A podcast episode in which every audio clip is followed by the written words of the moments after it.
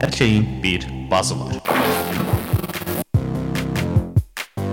Biri sözbaz, biri qumarbaz, biri nağılbaz. Axşamınız xeyir olsun, əziz gənclərin səsi dinləyənləri. O isə texnologiya ilə maraqlananların bazıdır. Beləliklə studiyada mən, Böyük Vahid, Hər həftənin cümə axşamı texnologiya ilə maraqlananlar üçün Vahid Qasımovun təqdimatında Texno Bas.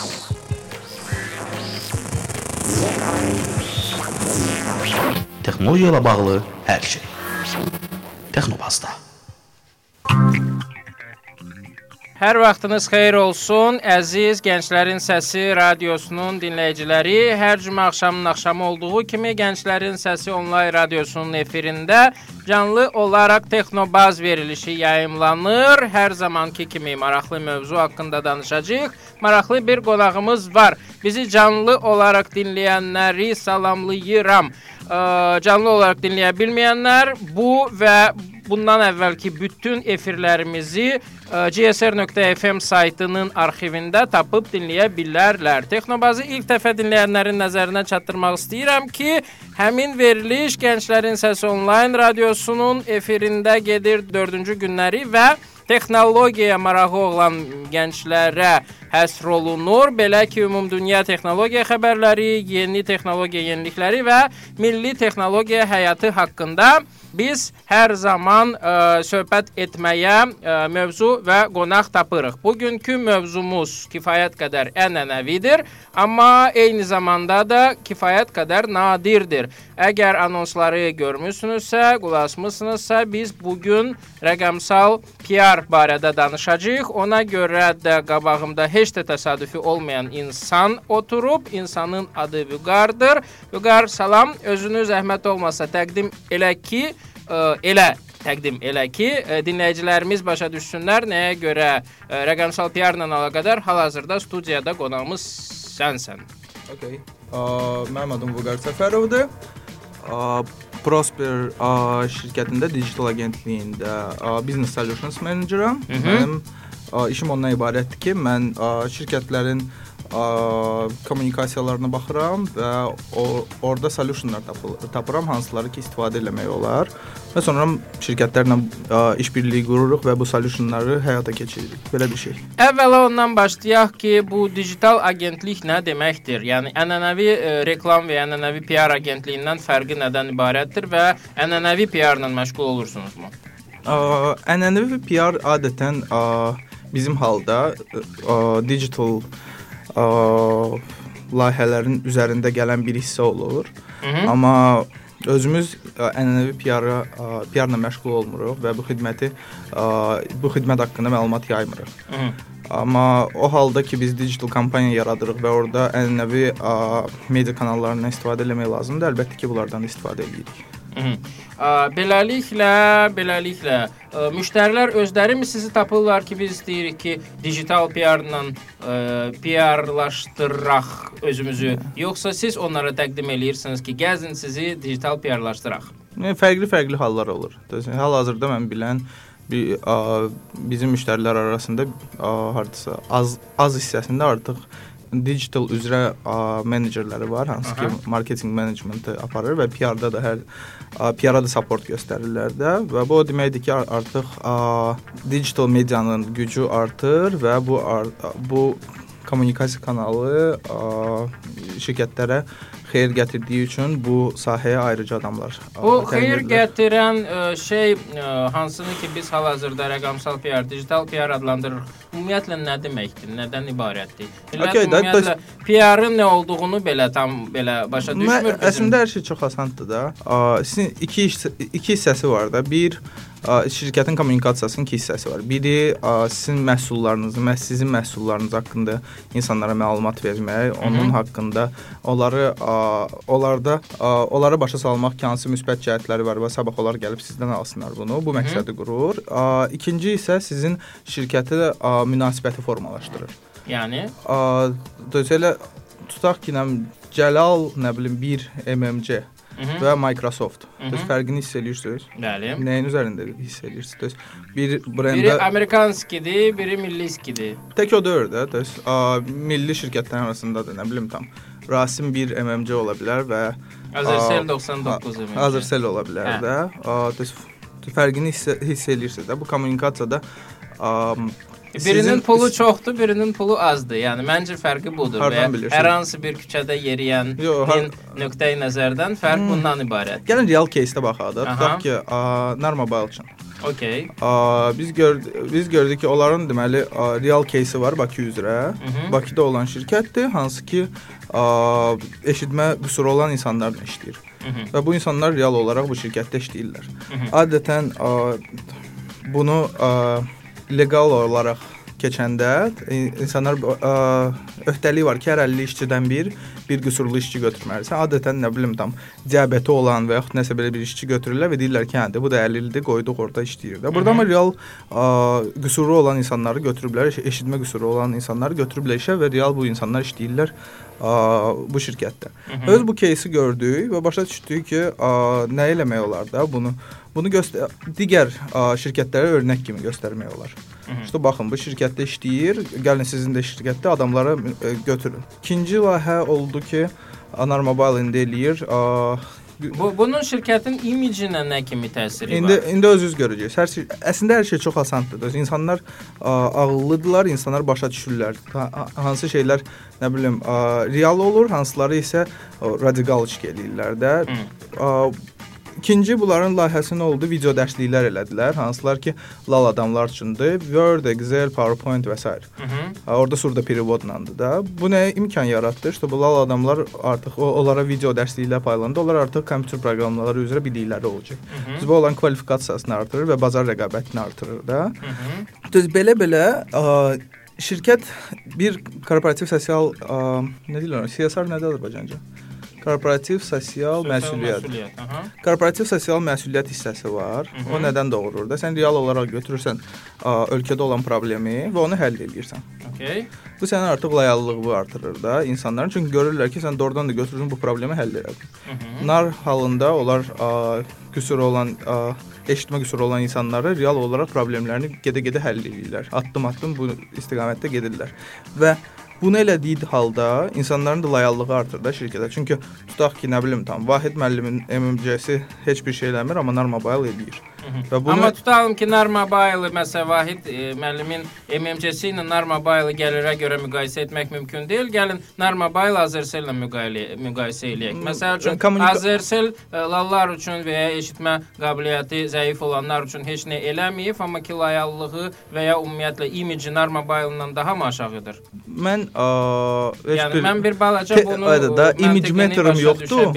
image meter'ım yoxdur. Mən sadəcə başa düşürəm ki, biz cəmiyyətdə yaşayırıq Əlbəttə. və burada ehtiyaclar var. Və sosial problemləri ilə də sosial qurumlar məşğul yox, olmalıdır. bir dəqiqə də. Yox. Narmobile məsələn deyəlim ki, biz rabitənin yüksək e, xidmət e, səviyyəsində verilməsi ilə məşğul olmalıdır məsəl üçün. Yox? Vahid, ə, hər şey çox asandır da. Bizim öz ə, öz işimizdə görürük də. Biz başa düşürük ki, okey, gəlir gəlir Mhm. və bu gəliri biz reinvestment eləyirik Mhm. və bunun bir hissəsini ictimai işlərə xərcləmək düzgündür. Bilmirəm niyə düzgündür, amma bu düzgündür. Başa düşürsən? Düz sadəcə götürürük ictimai işlərə xərcləyirik. Mən başa Bir düşürəm. bir istiqaməti də var bunun. Tutaq ki, biz nə bilim, plagiat ə, exhibition nədir Azərbaycanda? Vıstavka sərgi. sərgi, hə. Plagiat sərgisinin sponsorluq elədiyi də. Niyə elədi? Hı -hı. Sadəcə başa düşürük ki, hə, rəssam gənclər var, maraqlı şəkillər eləyirlər və bunları göstərmək üçün yer lazımdır. Hı -hı. Niyə də eləmirik də? Why not? Tez pul var, ə, reinvestmentimiz eləyirik, stabilliyimizə zərər gətirmir. Hı -hı. Ə, ictimai iş də görə bilərik də. Əlbəttə. Görə biləriksə niyə görməyək? Ə, bunun ikinci tərəfi var da. Bu sizə ə, bir tərəf siyasət layihələr, bu PR-ın bir hissəsi. Bu sizə kömək eləyir. Siz real olaraq sosial problemi həll eləyirsinizsə, o sizə loyallıq gətirir insanlar tərəfindən. Düz bunun bu çox belə də nazik bir ə, qran nədir Azərbaycanca? Bilmirəm bu. Vallahi. Bu başımda. Düz bu belə bir şeydir ki, düz sən loyallıq üçün problemi həll edirsənsə, Aha. sən hər yerdə öz brendini gözə soxmaq istəyəcəksən, istəyəcəksən daha çox adamlar görsünlər ki, a, nəsə bir iş görmüsən, onda tutaq ki, Novruz bayramında hamısı qaçır şəkər bura paylanmağa a, uşaqlar evinə də. Amma real problemi həll etmək istəyirsənsə, insanlar kör deyillər də. Onlar görürlər ki, belə bir problemlər var və siz onu real olaraq həll edirsiniz və onların loyallığı sizə artır. Çünki münasibəti dəyişir. Başa düşür ki, o birisi tutaq ki, heç bir şey eləmədi, amma sən hansısa bir problemi həll elədin. Qısaca belə, yəni mənim bu sualları verməyimin məqsədi ondan ibarət idi ki, dinləyicilərimiz bir balaca PR-ın nə olduğunu hiss eləsinlər. Bu siyasar yəni, istiqaməti idi də PR-ın. sosial. Va- Hal-hazırda ə, belə başa salmağa çalışıram ki, əlavə sosial aksiyalarda hər hansı bir şirkətin iştirak etməsi əlavə imkandır ki, öz ə, adını müsbət ə, təsirlərlə necəsə bağlasın və insanlara, cəmiyyətə həmin ə, müsbət ə, münasibətli adını duyurmağa ə, fürsət tapsın. Elədir, amma bir məqam var da, hər şey gəlir niyyətə bağlanır. bəli. Çünki şirkətdə insanlar işləyir və insanlar yaradır şirkətləri. İnsanlar bir toplaşaraq axırda bir şirkətə dönürlər də. Və bu halda sənin niyyətin şirkəti gözə salmaqdırsa və bunun üçün gedib a, nə bilim tam şəkər bura paylayırsansa Novruz bayramında uşaqlar evinə də, də insanlar bunu başa düşürlər ki, sən bunu elədin ki, sadəcə bir press release verəsən Kividə, bunun xətrinə elədiyin bir işdir. Amma sənin niyyətin təmizdirsə və real olaraq problem görüb onu həll eləmək istəyirsənsə və həll eləyirsənsə, artıq insanlar başa düşürlər ki, hə, bu adam real götürdü bu problemi və həll elədi. Bu şirkət bu problemi götürdü və həll elədi. Və onda loyallıq artır şirkətə qarşı. Çünki başa düşürlər ki, bu insanlar ə, dərk eləyirlər problemi və həll eləyirlər. Onlar Kivdəki press release xətrinə eləmirlər bunları. Düz burada hər şey niyyətə bağlanır. Bu çox belə də ə, sensitive ə, bir mövzudur. Həssas bir mövzudur, da və bunu artıq sadəcə sən ə, kommunikasiyada görürsən də. Görürsənsə ki, şəkər bura aparıb uşaqlar evinə bu bir məsələ. Görürsənsə hansısa sosial problemi həll eləyib real olaraq bu ayrı məsələ. Yəni hal-hazırda rəsmən bir çox insanın elədiyi fəaliyyətləri yerə vurmusan ki, onların niyyətləri qaradır əslində. Yox, Sadəcə- şəkər bura yaxşı şeydir. Prosta 1 ton şəkər buranı gətirib Novruz bayramında uşaqlarına versən, Hə.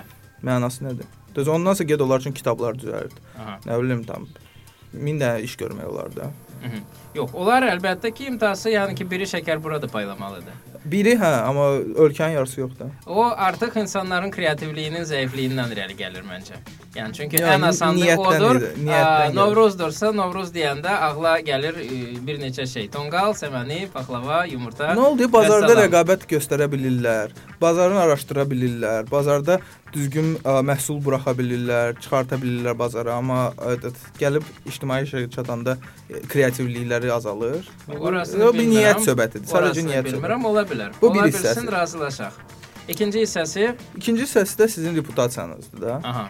Düz burada PR-ın böyük rolu var da. Sizin reputasiyanızı, düz şirkət var ki, onu heç kim tanımır.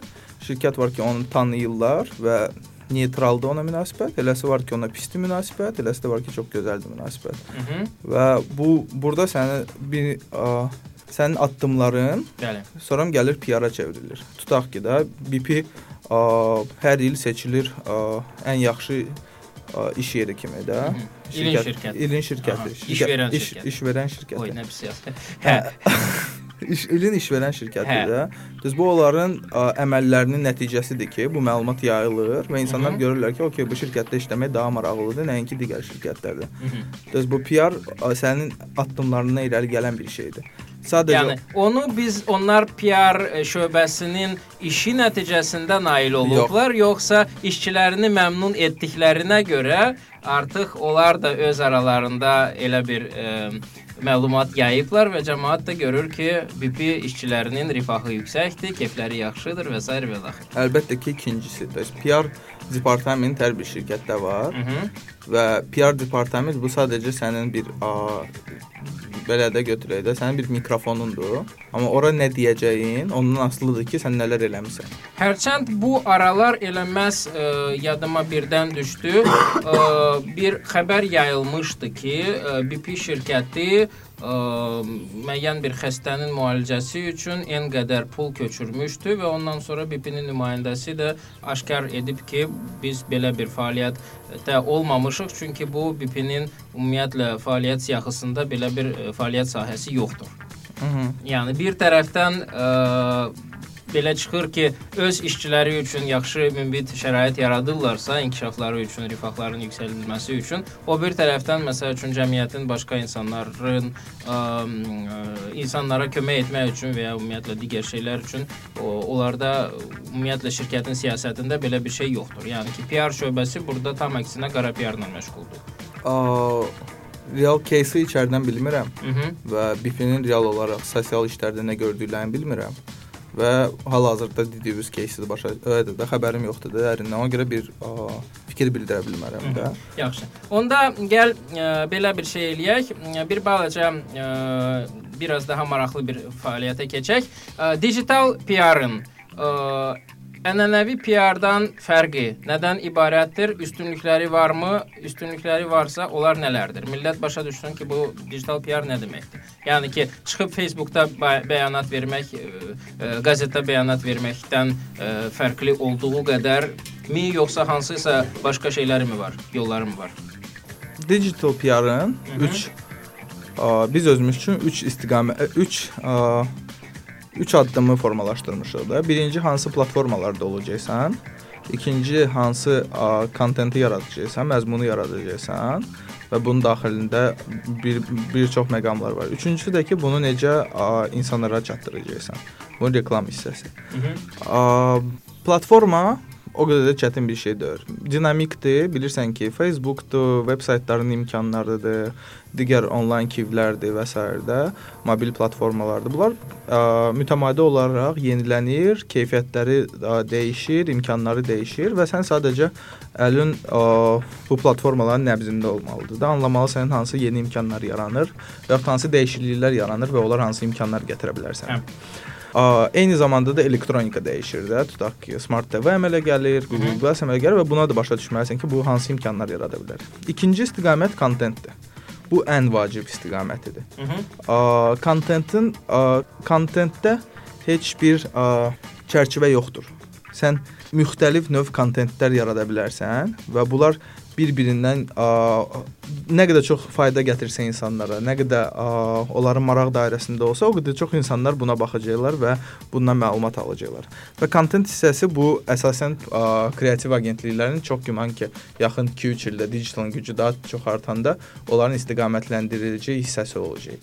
Forbes bildirir ki, kontent dilidir. Ə, və mən başa düşürəm niyə deyirlər də bunu. Çünki kontent sənə unikal olmaq imkanı verir. Sənin kreativliyindən asılıdır, sənin auditoriyanı başa düşməyindən asılıdır, onların maraqlarını başa düşməyindən asılıdır və onlara hansı yeni imkanlar yaradacaqsan ondan asılıdır.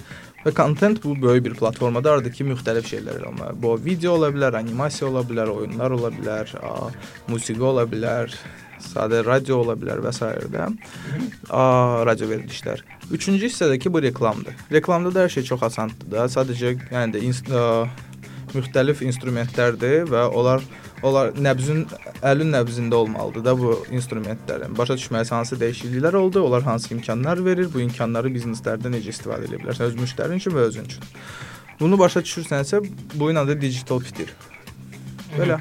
Bəs üçüncüsü hansı idi? Mən ya nəsə unutdum, ya da 3 dənə demişdin. Biri ə, daşıyıcılar idi, Platforma, ikincisi ikinci Məzmun, content, aha. məzmun, üçüncüsü də reklam vasitələri. Facebook vasitələrinin Google advertisement.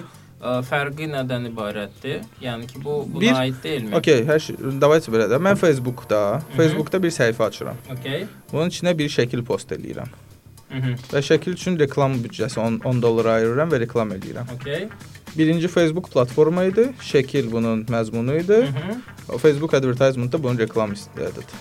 Ha, yəni ki, reklam vasitələri, e, Hı hı, kanalları. Aydındır. Aydındır, indi aydın oldu. İndi ümidvaram ki, bizim dinləyicilərimiz digital PR-ın nədən ibarət olduğunu axır ki, tutdular. Yəni ki, ə, belə deyək, Vüqar biraz daha ə, elmi, kifayət qədər ağır kitab dili ilə danışır. Ə, çoxlu sayda da xarici sözlərdən istifadə eləyir. Onun üçün mən məcburam ki, çoxlu sayda ə, suallar verim ki, o bir balaca aydın olsun ki, söhbət ümumiyyətlə nədən gedir. Hə, doğrudan, həqiqətən elədir. Ə, biraz real şeylərdən danışacağıq. Bir azdan mən istəyirəm ki, biraz qulaq asaq musiqiyə, ə, istirahət eləyək. Ondan sonra real işlərinizdən söhbət etməyə davam edərik.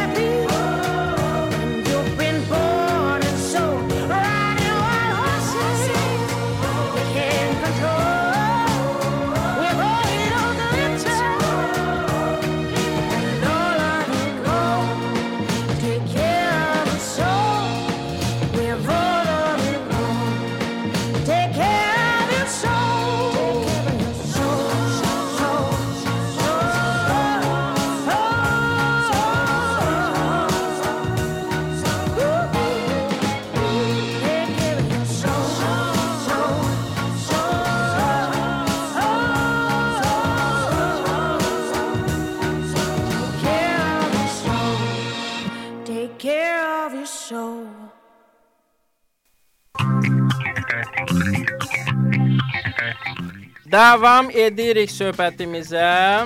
Yadınıza salım ki, ə, biz bu gün digital PR haqqında danışırıq və studiyadakı qonağımız ə, Vüqar Səfərovdur, Prosper Digital PR agentliyinin rəhbəri. Ə, Həmin agentlik ə, müxtəlif mövzularda şirkətlərə, kommersiya şirkətlərində, kommersiya şirkətlərinə digital PR kampaniyalarının və aksiyalarının təşkili ilə əlaqədar təkliflər verir, həmin aksiyaları təşkil etməyə kömək edir. Eyni zamanda öz maraqlı layihələri də var. Həmin layihələr adətən sosial layihələr olur. Buna görə ə, əslində onları dəstəkləyirik. Hər zaman ə, Vüqar bir balaca onlar haqqında danışa bilərsənmi? Ə, Sizin öz layihələriniz ə, və onların məqsədi və o sahədəki uğurlarınız. Okay. Əslində biz ilk öncədən başlayanda fikirləşməyə bu haqqdakı oldu. Biz çox öz üzərimizdə işləyirik və hər bir komanda öz öz üzərində işləyir və biz ə, kommersiya layihələri eləyirik və Hı -hı. bu layihələrdə olan ə, və bizdə gəlir qalır və bu gəliri biz necə xərcləyəcəyik? Biz anladıq ki, biz bunun bir hissəsini Dərdə bax. Da, bunun bir hissəsini ə, reinvest hı. Ə, bizim təhsilimizə, bizə yeni lazım olan texnikalara, hansı ki bizim ə, məhsulları daha da keyfiyyətli eləyəcək, elədiyimiz işləri daha da gözəl eləyəcək və bunun bir hissəsini də biz ə, ictimai işlərə paylayacağıq. və bu ə, bu fikirlə başladıq işləməyə. Və bir məqam yarandı ki, biz anladıq ki, okey, biz ə, müxtəlif layihələr eləyə bilərik, hansılar ki, qeyri-kommersiya layihələri ola bilər. Ə, bir ə, və qeyri-kommersiya layihələrinə başlayanda gördük ki, əslində heç o qədər də böyük ə, xərc tələb eləmir. Bir layihə deməli donor book proyektidir. Qan donorları səhifələri bəlkə görmüsüz Facebookda. Hə. O deməli nədən ibarətdir də? O layihə 8 dənə səhifədir. Hərəsi bir qan rezusuna uyğundur və hər bir o qana tutaq ki 2 üstəgəl qanına sahib olan insan girir o səhifəni like eləyir və potensial donora dönür. Aha. Sabah 2 üstəgəl tutaq ki, qanı lazım olanda insanlar girirlər, müraciət edirlər ora. A, səhifədə 2 həkim işləyir. O həkim, iki həkimdən biri müraciət eləyir a, o insana ki, kim kimə qan lazımdır, situasiyanı öyrənir, öyrənir hansı bolnitsada yerləşir xəstə, öyrənir realdır bu, bu situasiya yoxsa yoxdur. A, hə- xəstəliyə uyğun olan sualları verir və situasiyanı aydınlaşdırır və real case-dirsə, real olaraq insana qan lazımdırsa, bu məlumatları a, deməli dizayn eləyirlər. Xüsusi a, template var. A, o template üzərində dizayn eləyirlər və səhifəyə qoyurlar. Bəli. Və bu səhifəyə qoyulandan sonra da insan donorlar, potensial donorlar görür bu məlumatı və a, zəng eləyirlər xəstəyə və öz qanını ötürürlər. Yəni birbaşa xəstə ilə e, Bəli. onları e, əlaqələndirirsiniz, öz ara e, müəssəsə kimi fəaliyyət göstərmirsiniz. Sadəcə Yox, sadəcə ar, a, deməli 2 məqam var da burada. Hı hı. Bundan sonra proses olaraq bundan sonra bir gündən sonra zəng olunur xəstəyə və öyrən öyrənirik ki, donor tapıldı və yaxud yox. Tapıldısa elanı yox eləyirik ki, insanlar daha yaymasınlar və yeni məlumat qoyuruq ki, bu donor tapıldı. İkinci məqam var ki, elə- İndiyə qədər neçə dənə donor tapılıb? Deməli, Daha doğrusu neçə xəstə üçün donor tapılıb? 60 günə 65 dənə, bəlkə yalan deyirəm, bəlkə də biraz da çox adama kömək eləmişik. 100-ə yaxın donor tapmışıq. Ümumiyyətlə neçə dənə like var bu 8 səhifədə? Ümumi olaraq hardasa 15 minə yaxındır. Yəni insanlar nə dərəcədə buna yaxınlıq göstərir? Yəni İnsanlar- siz nəticədən razısınız yoxsa İnsanlar daha da yaxşı ola çox- bilərdi? İnsanlar a, çox bu mövzuda insanlar çox Passivdir. yox, çox aktivdir və real olaraq adam görür ki, necə hər bir insan başa düşür ki, bir şeir eləməklə kömək eləyə bilər və Mhm. o şeiri də eləyir və öz özü xahiş də eləyir ki, yayılsın bu məlumat və Mhm. öz qanı a, uyğundursa o zəng eləyir və kömək də edir insanlara. Biz bir axırıncı ən a, maraqlı success story axşam saat 12-də bizə yazdılar ki, səhər 10-da qan lazımdır Mhm. və 10 donor lazımdır. Mhm. Bizim 10 saatda 10 donor tapmaq lazım idi. Hə. Biz o qədər şeir hələm görməmişdik. Hər bir insan mənim friend listimdə hardasa 200 nəfərə yaxın adam şeir elədi bunu. Mhm. 405 nəfər adam var friend listimdə. Hə. Səhifədən 100-dən çox adam şeir elədi. Bütün bizim şeir elədiyimiz şeir elədilər və səhər-səhər zəng elədi. Onlar saat 9-da ki donor var. Dedi ki, onun da gəlib, qanını verib, ondan çox gəlib və yoxladıq. Kimlər verə bilirdilərsə verdilər və 10 nəfərin qanını tapmışıq. Yəni belə şeylər əslində insanı daha da çox ruhlandırır və daha yeni layihələrin həyata keçirməsi Of üçün course. Zəng eləyirsən, sən zəng eləyirsən ki, donor tapdınız. Yarım saat sənə şükür eləyir Allaha, təşəkkür eləyir sənə. Deyir ki, "O, siz çox kömək elədiniz. Biz situasiyanı başa salır. Düz hiss olunur da bu. İndi bu keçilmiş bir mərhələdir. Yeni mərhələ nədir? Yeni layihə hansıdır? İkinci bir şey eləyirik. İndi a, bir gün elə ofisdə vardısa 5 saat bundan qabaq ağlımıza gəldi. 3 saat bundan qabaq çəkiliş elədik. Mhm. İndi Biz də onu tam bilərək sizi dəvət elədik ki, həmin ideyanı Siz paylaşasınız. çox İsti-isti, operativsiz. Əlbəttə. Siz çox operativsiz. Ə, və indi elə montajı gedirdi. Deməli, çarxlardır. İlkin ilk ilkin təcili yardım. Aha. Düz dedim? Ə, demək olar ki, hə. Hə, ilkin təcili yardım. Hə, bu bunun məhzi nədən ibarət olacaq? sadəcə həkimdir, ə, Mhm. hansı ki ilkin təcili yardım üzrə təlimlər keçir. Mhm. O a, 1-2 dəqiqə ərzində xalq arasında olan a, ilkin təcili yardımda real olmayan a, metodikaları üstünü açır və başa salır ki, reallıqda necə olmalıdır. Aha.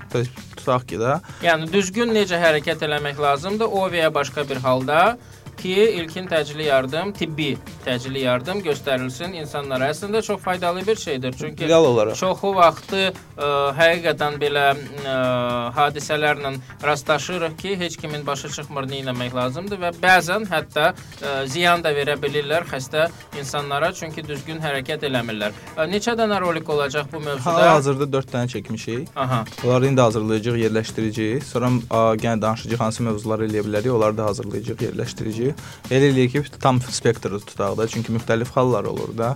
Hal indi olan çarxlar biri iflic haqqında olacaq. İflic olduqda a, mən də bilmirdim bunu. Arkası barmaq, nə bilim qaşıq adamın ağzına salmaq lazımdır. Dil qatlanmır eləmir. 4 dəqiqə ərzində 3-4 dəqiqə fərq arasında. Ağzını açıq saxlamaq. Yo, yo, yo, sadəcə uzun adət.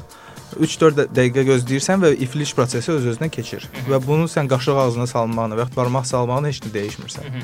A, a, bu belə də real bir şeydir, mifdir də əslində. Bəli. Siz bunları ə, video rolik kimi çəkmisiniz, sadəcə həkimin danışmağı ilə, yoxsa ənənəvi bir şəkildə artıq ə, sizdən biz animasiyalı şeyləri görməyə öyrəşmişik. A, bu hal-hazırda animasiyasızdır və ağ fonda olacaq sadəcə. Mhm. Çünki a, burada nə göstərəsən də, göstərəsən ki, kimisə iflic tutduğunu komanda, təs real olaraq a, məqsəd var və məqsədə çatdırmaq üçün animasiya a, köməklik eləyirsə onu göstərmək olar. Köməklik eləmirsə onu istifadə etmək düzgün deyil də.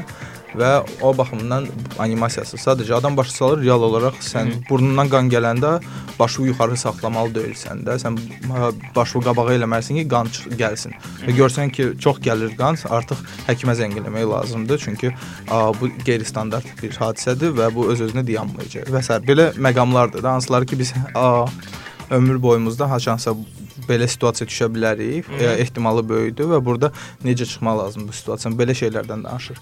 Nəyə görəsə bütün layihələriniz, hətta və hətta ə, şirkətlərə təklif elədiyiniz bu sosial məsuliyyətlə əlaqədar layihələriniz hamısı ə, bir balaca səhiyyəyə bağlıdır. Yəni bunun xüsusi bir şeyi varmı? Məsələn, deyəlim ki, hansısa əlilliyi olan insanlara kömək və ya tutalım ki, qan donorluğu layihəsi və hal-hazırda məsələn təcili tibbi yardım məsələsi. Yəni ki, hamısı səhiyyə problemləridir.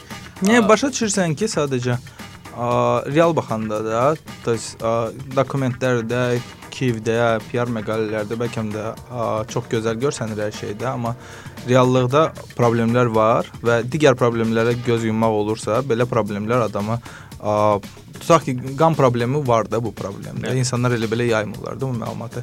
Buna göz yummaq olar, demək olar ki, hə, okey, aktual deyil və yaxud da sən ə, mexanizm tapmısansa ki, hansı ki işləyir, bu mexanizmi işə salmaq lazımdır da. Hı -hı.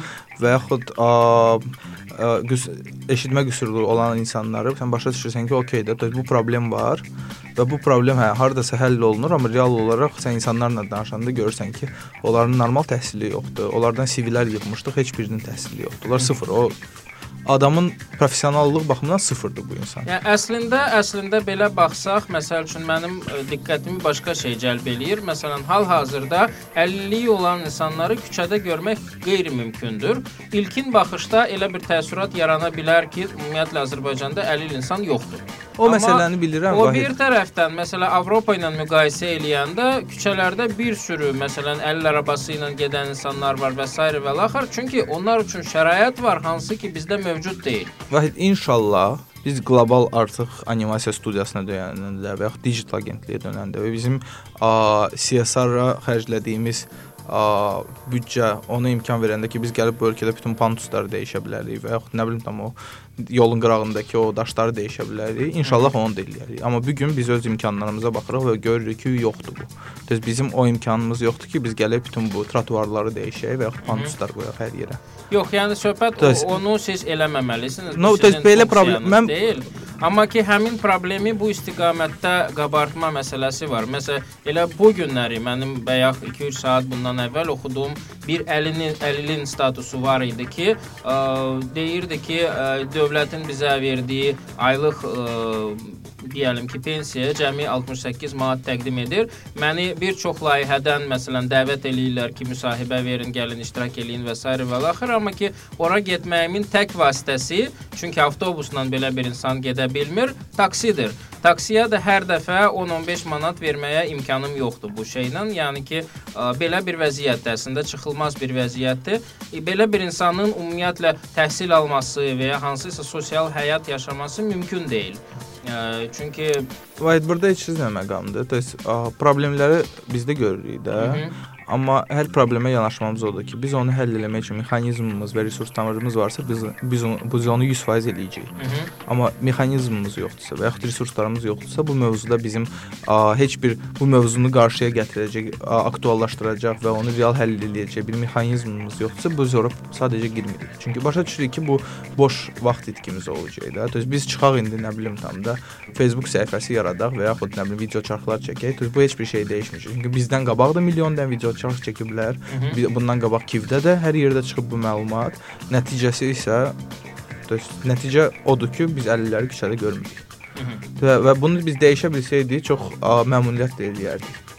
Biz başa düşürük ki, hansısa mövzular var, harda harda ki bizim a, köməkləyimiz ola bilər. Bir maraqlı layihəmizdə danışaq, indi başlayırıq onu. Aha. Deməli, Blind DJ School. Tak, bunu ə, tərcümə eləməyə çalış. Deməli, körlər üçün DJ məktəbi. Aha. İdeya nədən ibarətdir? Körlər üçün DJ Biko var. A, DJ Biko Vaperuh ailəsində psixoloqlar var və s. çox insanları da başa düşür. Həmçinin həmçinin də yaxşı DJ-dir. O a, köməklik eləyəcək bizə DJ-liyi öyrətməyə, a, gənclər üçün, hansıların ki a, a, gözləri zəifdir. Aha. Və onları birinci onlar üçün DJ a, deməli DJ-liyi öyrədəcəyik. Onlar Hə. treklər yazacaqlar. Ondan sonra a, çox güvən ki Otto Pub'da bir dənə qala konsert eləyəcəyik. Mhm. Ondan sonra okey versələr ki, pulsuz a, efir vaxtı versinlər bizə. Danışacağıq ATV ilə, ANS-lə baxarıq da hansılar okey verəcəklər və orada yeni ulduz fason edəcəyik, amma blind ə, da kör adamlarla da və a, onların arasında SMS səslənmə olacaq və SMS-ə gələn pulları Bəli. şəffaf olaraq çıxartıcı göstərəcəyik. Sonra o, o pullara da onlar üçün biznes sahəsində körlər hansı İmkan biznes sahələrində. Yo yo yo.